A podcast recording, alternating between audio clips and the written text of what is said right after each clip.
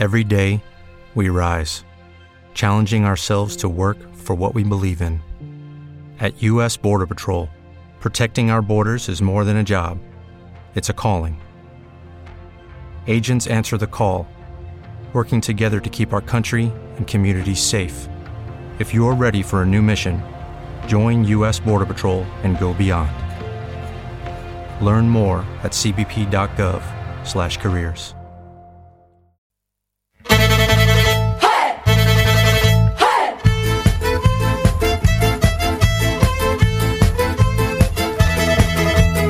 Escolta en català amb Berta Gol, Berta Martínez i Cèlia Mayoral.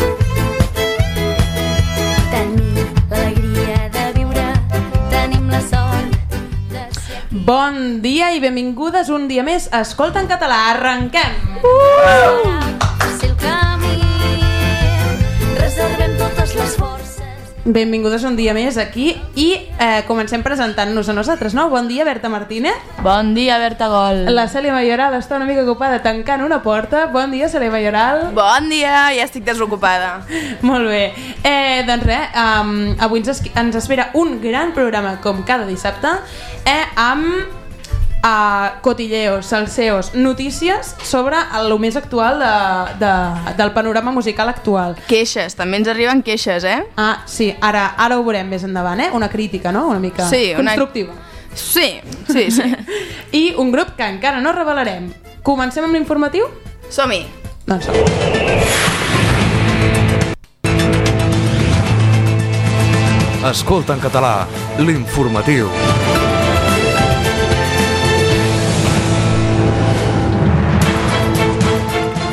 Aquesta setmana, com no podia ser d'una altra manera, també tenim moltes notícies i molts concerts perquè ja sabem que, com a mesura que es va costant més l'estiu, a mesura que es van acostant més les vacances, els concerts també s'acosten més i n'hi han més. Correcte. De fet, ho hem pogut veure això nosaltres, la diferència que hi havia entre l'època d'hivern i l'època d'estiu. No ho hem comentat, però diferència se'n nota, eh? Podríem fer un estudi estadístic sobre el tema. Sí, la veritat és que sí. Um, vinga, va, per exemple, què tenim? Tenim que han tret el cartell del Festival Pau Paterres, que és un festival on toca, per, eh, és el 11, 12 i 13 de juliol, i a Tàrrega i toquen Oques Grasses, Tremenda Jauria, Lil Dami, la senyora Tomasa, Diluvi... Eh, bé, hi ha un gran... Ojo. Sí, sí, un cartell bastant heavy, igual que el de Barraques de Sitges, que és el 17, 18 i 19 De set- d'agost. Ah, no és de setembre? No. Era a principis de setembre. Les Ja està, ja s'ho està fent la lista. No, no, d'agost, que hi ha la pegatina, Buos, Doctor Prat, Roba, Estesa, El Niño de la Hipoteca, Su, Obeses, Uau. Pabla, Lil Dami... Bé, també molt carregat, però més a prop, què tenim? Doncs tenim que aquest diumenge, 16 de juny, eh, hi ha un concert que s'ha organitzat contra la repressió. Es diu Cultura contra la repressió, és a Santa Perpètua de Montgoda i tenim gossos, companyia elèctrica d'arma, el pot petit, toques grasses, Itacabant, Ovidi 4, Pepeta i Marieta, Miquel del Roig, Joan Rovira, Paula Vall, Cesc Freixes... Bé, podria estar aquí tot el dia, eh? Dient noms. per Santa Perpètua de la Mongoda o de la Moguda? Eh, espera't que t'ho busco Moguda. perquè no sé on ho he llegit, això. Mogoda. Vale, de la, de la Moguda. Berta fent-se la llista, dos, la lista, dos. Home, hem de donar informació mm, correcta. Sí, sí, home, òbviament. Però va, anem a la queixa, perquè bueno, també hi ha concerts, per exemple, a Can Baró, el 15 de juny, també podeu buscar informació. També s'estan començant a conèixer les festes majors de Bellver, a la Cerdanya, també hi ha, és d'aquí res, sí, és el... Bueno, de fet ja estan sent, però encara queda, doncs, avui la nit i demà, que també hi ha concerts. Adolescents.cat també està fent un concurs eh, per un concert d'Oques Grasses i Sense Sal. Però bé, anem al tema que ens interessa, i és que des d'Escolta en català ens agradaria fer una crítica constructiva des del respecte i l'amor cap a Canet Rock, perquè, aviam, us posaré una situació. Sí. Canet Rock és un festival que no té punt lila, mai n'ha tingut, malgrat que I hi ha hagut col·lectius no. feministes que s'han presentat com a voluntàries per organitzar un punt lila gratis, sense cap cost, de manera voluntària, i hi ha hagut una resposta negativa per part de l'organització de Canet Rock, doncs bé, hi havia anys que tenien crítiques perquè tenien poques dones a l'escenari. Aquest any Canet Rock va decidir posar-se les piles i, per exemple, entre els grups trobem Roba Estesa, que són un grup de vuit dones femenines i feministes, es defineixen així la pàgina web. Després trobem Su, que és Una noia. una noia, és un grup liderada per una noia, bàsicament, i després trobem la Ju, que és ella sola, és una noia també, i bé, tothom va dir, home, doncs es comencen a posar les piles, hi han tres concerts que seran liderats per dones. I Què de fet passa? a la universitat vam fer una xerrada que va venir la directora del Canet Rock i va dir home, aquest any hem fet un cartell molt més inclusiu amb les dones. I Què passa? Que s'han, aquesta setmana, just fa tres dies, van treure el que serien els horaris d'aquest festival.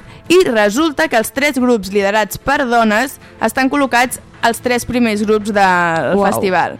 Roba Estesa toca a dos quarts de sis, la Su toca a les sis i quart i la Ju toca a les 9, ai, a les 19, perdó, a les 7 de la tarda. Després trobem que hi ha Xavi Sarrià, Elèctrica d'Arma, el Josep Maria Mainat, Buos, els Pets, la Casa Azul, els Catarres, Oques Grasses, la Pegatina, Zoe Tacabant i Doctor Prats. Cap d'aquests grups està liderat per una dona. Sí que és cert que hi ha grups d'aquests, com per exemple els Catarres, que hi ha una dona, però tot i així el, el una pes, dona. el pes de les dones va en disminució cada vegada que, que hi ha un que, hi que avança l'hora i per tant hi ha més gent perquè a Canet Rock a les 5 de la tarda no hi ha el mateix públic que a les 4 del matí i això és obvi, només fa falta anar-hi per veure-ho. i la gent important va al final. Per tant, què passa amb les dones? Que no som importants i per tant anem a primera hora. Per tant, des d'aquí ens agradaria fer aquesta petita crítica constructiva amb tot l'amor del món. Si voleu, des d'aquí, Canet Rock, us organitzem el punt lila i ens posem en contacte amb les diferents associacions, però ens agradaria que les dones estiguessin més representades. De fet, jo fa res vaig fer un estudi per un reportatge que havíem de fer a la universitat i les dones en tots els festivals de, de Catalunya, jo vaig fer l'anàlisi a Catalunya, segur que passa el mateix a la resta d'Espanya i, i, i del món, um, les dones no tenien una, un espai on poder-se reivindicar. Um, per exemple, el festival que l'any passat més representació femenina va tenir va ser Bioritme, i analit no va arribar a la paritat, no hi havia el 50%, però és que després analitzes el cartell i no trobes la primera dona, que exactament era del grup ICO de Do Sound, és a dir, que tampoc no és un grup clarament de dones, perquè de fet... És un noi i una noia. Vale, doncs no estaven fins la tercera línia. Les dues primeres línies només apareixien grups no mixtes d'homes. Aquí s'ha acabat la nostra crítica. I el bioritme sí que té punt lila, ojo. Sí. Normalment això sí que ho tenen els festivals, que tenen punt lila. Um, actualment ja comencen a haver-hi punts liles. Canet Rock ha de ser tot un punt lila i per tant no hi ha punt lila. Uh, canviem de tema i anem a un tema una mica Més alegre. més alegre com el grup. Uh, Berta Martínez, quan Sí. vulguis ens dius això. Us dic les tres pistes, comencem. Primera pista. És considerat uns dels grup, un dels grups més famosos de rock català. Vale. Mm. O sigui que és un grup potent. Segona pista. És un grup que va sorgir abans del segle XXI, o sigui que és del 1900 i pico. Uh, Vale. 1916. Tan antic tampoc. I la tercera pista, mira que ara això pot tenir res amb el que heu dit abans, és un grup que està totalment format per nois. Roba estesa. Va, escoltem la primera cançó a veure si sabeu què és, segur que sí.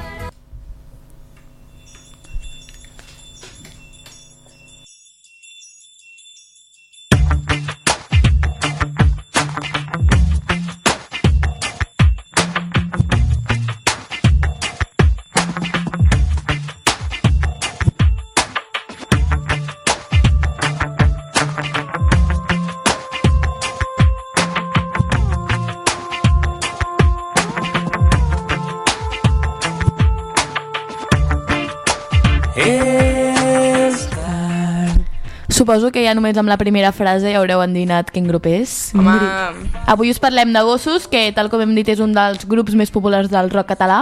El grup va sorgir l'any 1993 i al principi eren quatre nois de Manresa que van decidir començar a tocar junts. Llavors es van presentar a diversos concursos i gràcies a això van produir el seu primer disc que es deia Gossos el 1994, al cap només d'un any.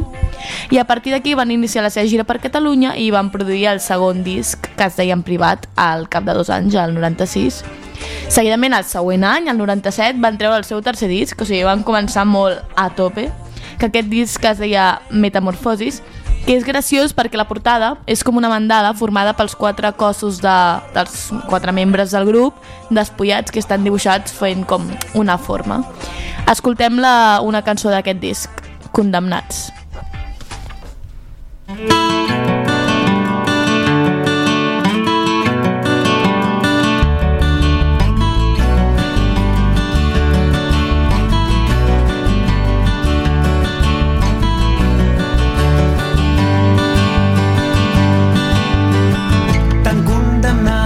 a fer-te gran.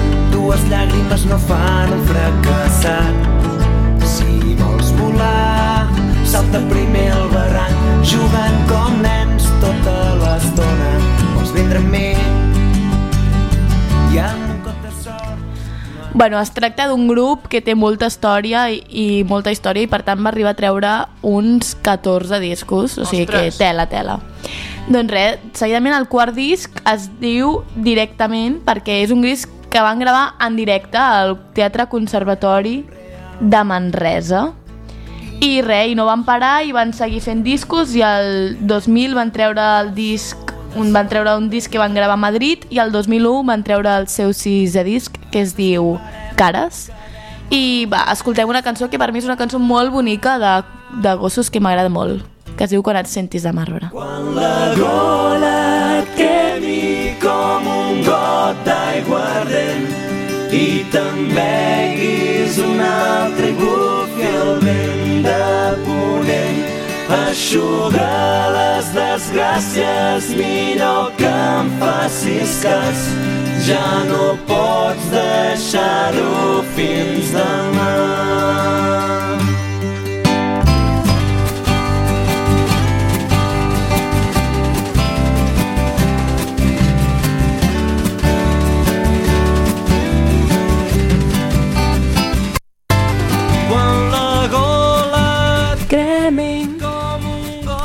A partir de l'any 2002 van incorporar un nou membre al grup que això va fer que canviés el seu estil de música. Van canviar i van passar tots aquests sons més acústics que hem pogut escoltar i van començar a utilitzar més guitarres elèctriques, bateries, que això els va donar un ritme a les cançons diferent.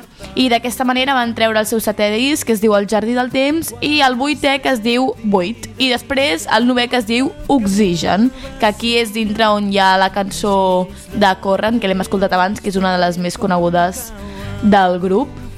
I bé, ara escoltem una cançó on, podem, on podrem veure, comparant amb les altres cançons, el canvi d'estil. Podem veure aquí més la bateria, la guitarra elèctrica...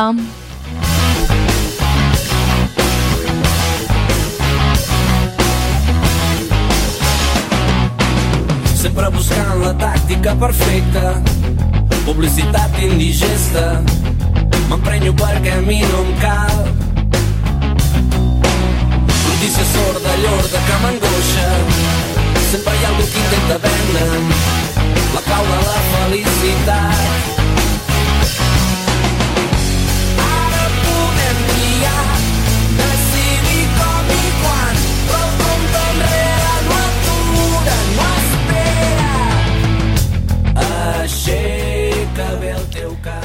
Hem pogut veure realment que ha canviat molt l'estil de música al llarg dels anys. Home, També suposo que bastant. influenciat per la música que s'anava fent al llarg de, de les èpoques. Sí, aquest canvi aquí amb aquesta elect electricitat, diguem, no sé com dir-ho, però...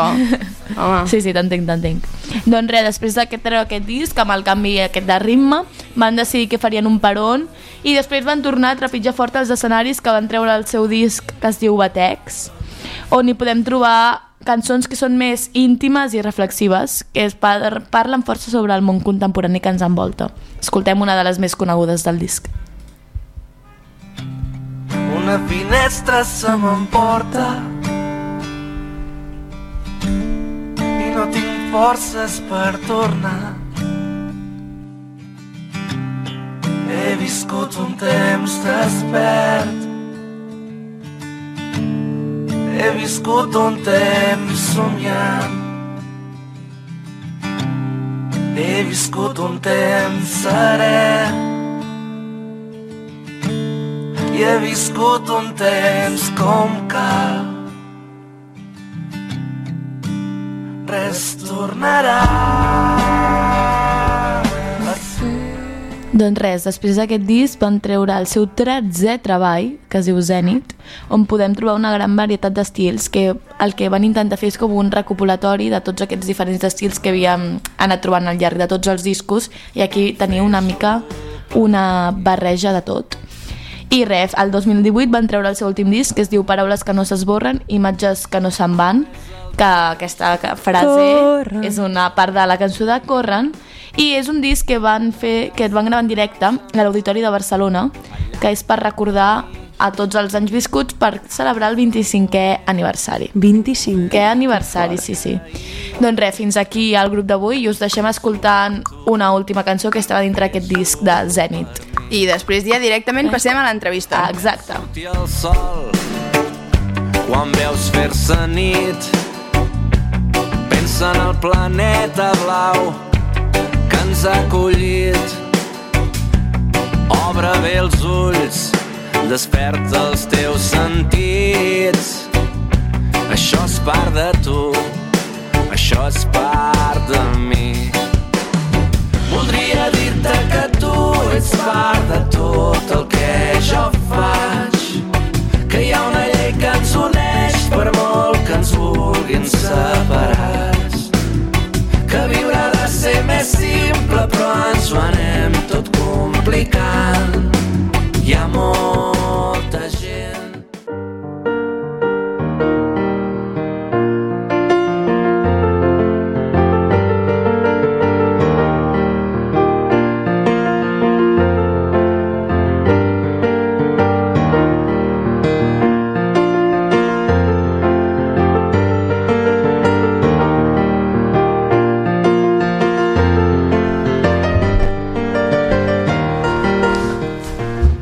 I la nostra entrevista d'avui és la Ru. Hola, Ru, què tal? Hola, bon dia. Uh, Explica'ns uh, qui ets en el món de la música i què, a què et dediques, musicalment parlant. De la música... Uf, crec que alguns músics es sentarien ofesos si jo digués que faig música. Jo ara mateix estic punxant, faig de PD com moltes persones també ho fan i pues omplo festes populars de petardeo i divineo. Molt bé, o sigui, estem parlant d'un nou factor que és el punxadiscos, que és eh, PD. I és una figura que últimament s'estan posant molt de moda entre els joves barcelonins i catalans en general i que es, es, es defineix en ficar-se un nom artístic i, i ficar cançons, bàsicament, no? Podríem dir. Sí, sí, sí. Quin és el teu nom artístic? El meu nom artístic és la Dolçadela. I per què d'aquest nom? D'on d'on surt? Uf, ah, aquest nom és com la manera que vaig trobar-li no de, de batejar com el meu alter ego, dient així, i és un personatge que, bueno, jo en trec referència a unes, sobre unes cançons de Manel del disc d'atletes baixint de l'escenari i diguéssim que me l'he fet meu, no? He ocupat com aquest personatge i he decidit encarnar-lo sobre els escenaris. Vale. O sigui, els Manel parlen en el seu disc Atletes baixint de l'escenari d'un personatge que és la Dolçadela. Sí, surt com a dos cançons, quan és la de eh, Ves Bruixot, que no és sant de la meva devoció, diguéssim, aquella cançó, no? Però, mm, bueno, és un dels personatges que surt, i després surt en una altra cançó, que aquesta sí que m'agrada molt, que és la de Quin dia feia amics, que surt com a personatge principal. Vale. Molt bé. Eh, quin estil consideres que punxes de música? Uf, jo sóc molt trasher, jo sóc des de barrejar el perreo més profund de la Miss Nina amb horchata un sistema amb coses així rares que facin ballar una mica la gent. Vale. O sigui, coses rares, poc conegudes o què? Sí, coses conegudes sempre n'has d'acabar com punxant, no? Clar. perquè també és una mica el que et demana la gent Mhm. quan no estàs tocant, no? quan el que estàs és en un ordinador, amb una taula o sense, uh, anant posant pistes, no? Mhm. Però sí, intento donar visibilitat a artistes doncs, poc coneguts que es mouen dins el que seria l'estil trap i reggaeton i que al contrari de la idea que en tenim d'aquest reggaeton i aquest trap uh, comercial, doncs les seves lletres també estan plenes de combativitat Vale. i de Això, cert de sarcasme. i tal, no? Sí. Vale. Molt bé. Eh, I a part de- d'això de, punxar discos, eh, tenim algun aspecte musical més per aquí al mig? A veure, ara amb, amb un company uh, que es diu Arcadi, nom artístic Napai, em, que també és performàtico i aquestes coses modernes que els agraden tant a les mariques, estem fent com un projecte de, de trap juntes i que, bueno, d'aquí poc tenim planejat poder-ho gravar a la Lleialtat Sencenca, però encara no sabem on anirà, no? És un projecte així com a llarg plaç. O sigui, tot queda en el barri, no? Podríem dir? Tot, tot, no, però tot surt del barri almenys, Vale. el que és la meva part. Vale. I trap o rap? Amb dues, perquè crec que si aquest, el deterior com de aquestes dos... Si un purista de la música sí que et podria fer clarament una diferenciació a partir de pues, els beats, els ritmes i tot el que tu vulguis. Mhm. eh, jo no faig diferència, a més crec que nosaltres, la gent que hem nascut el 2000, som més generació trap que no per rap, Vale. diguéssim, el hip-hop i que és on, on neix no és pas a la nostra època, no? Potser sí d'unes generacions Per més, sobre. Bueno, més per sota, no? I que, bueno, ara també estan conquistant escenaris, no? Mm. Perquè per la nostra audiència, que no sàpiga, la diferència entre trap i rap, quina és? Jo és això, jo, coneixements musicals en escassos, eh, bueno, més enllà dels, dels orígens, sinó que el, el, el rap té els seus orígens, doncs, el Bronx amb el hip-hop, el trap és una mica una moguda de, de pijos i oncarres eh, que es foten a fer música no rítmica i de fet mm, trap, la típica frase que surt a cançons coneguts de, de Penguin de I'm in the fucking trap house eh, diguéssim la trap house fan referència no a el que és pues, la seva moguda amb el tema de les drogues no? llavors mm, diguéssim jo que aquesta és la diferència que sé bàsicament a nivell de- d'orígens històrics no? i la diferència entre estils és que soc bastant analfabeta musical Però el, el trap sí que té més melodia, no? Amb l'autotune i tot el tema, i el rap potser és més... el rap és més rítmic Sí.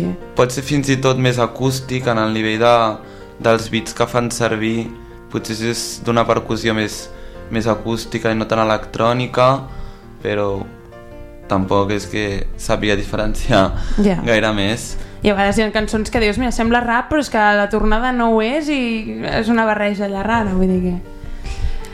Vale. Um, I això de les cançons, n'has escrit tu alguna? Eh, ho heu fet a mitges amb l'Arcadi? A veure, ara tenim com un projecte de maqueta, no?, al qual hi ha una base i hi ha una lletra ja definida. Jo, per la meva part, segueixo escrivint petits embrions el que m'agradaria que fossin cançons, però sí, tenim una cançó que de fet encara no està gravada ni té títol, però existir, diguéssim que existeix. Vale. I quins són els teus referents musicals en el tema del trap, rap o cosa rara que, que estiguis intentant que fer néixer embrions? A veure, els En referents... Qui, en què et bases? En què... Els referents més clars, ja no tant en el fet de, de fer trop o no, sinó d'atrevir-me a, a posar-me aquest carro, no? Pues, et parlaria doncs és de Sarajevo, mm, el que seria Vita i aquests rapers que potser nosaltres vam Mhm. mamar quan érem Rivade. més peques, no? No Rivade perquè és bastant nou, no? Però jo què sé... Eh, Porta i tots aquests, no? que és els que començàvem a, a sentir la, la nostra generació, Mhm. eh, Mala Rodríguez, podríem dir, no? doncs són com aquestes noies no? que potser s'han atrevit a pillar el micro, pillar la base i a pujar-se a l'escenari i, i que des de llavors que ho estan partint, no? Mhm. I amb les teves lletres, que encara no hem pogut escoltar perquè no les tenim gravades, però què és el que vols transmetre o quin missatge vols donar? Jo vull una mica aquí fer com el contraideari del trap, no? Si escoltem moltes cançons de trap que estan fetes eh, per misògins, no crec que el trap en si sigui misògin perquè és un estil de música, Clar, no pot ser. Uh, és una... mm, és un estil de músic uh, que, al contrari dels orígens del rap, no té cap tipus de, de consciència de classe. De fet, és un estil de música que fa una apologia a les drogues bastant abismal i una mica vull fer com no, la, la contrapartida a nivell de doncs, combatre tota aquesta merda neoliberal que ens foten amb aquestes cançons no? Mhm. per realment fer, fer un trap pues, de base, amb consciència, atacant aquesta ideologia reaccionària que es manifesta en moltes cançons que escoltem a dia a dia i, i diguéssim, burxar des d'aquí, no? Vale. I com a PD, has fet algun bolo? Et podem trobar en algun lloc?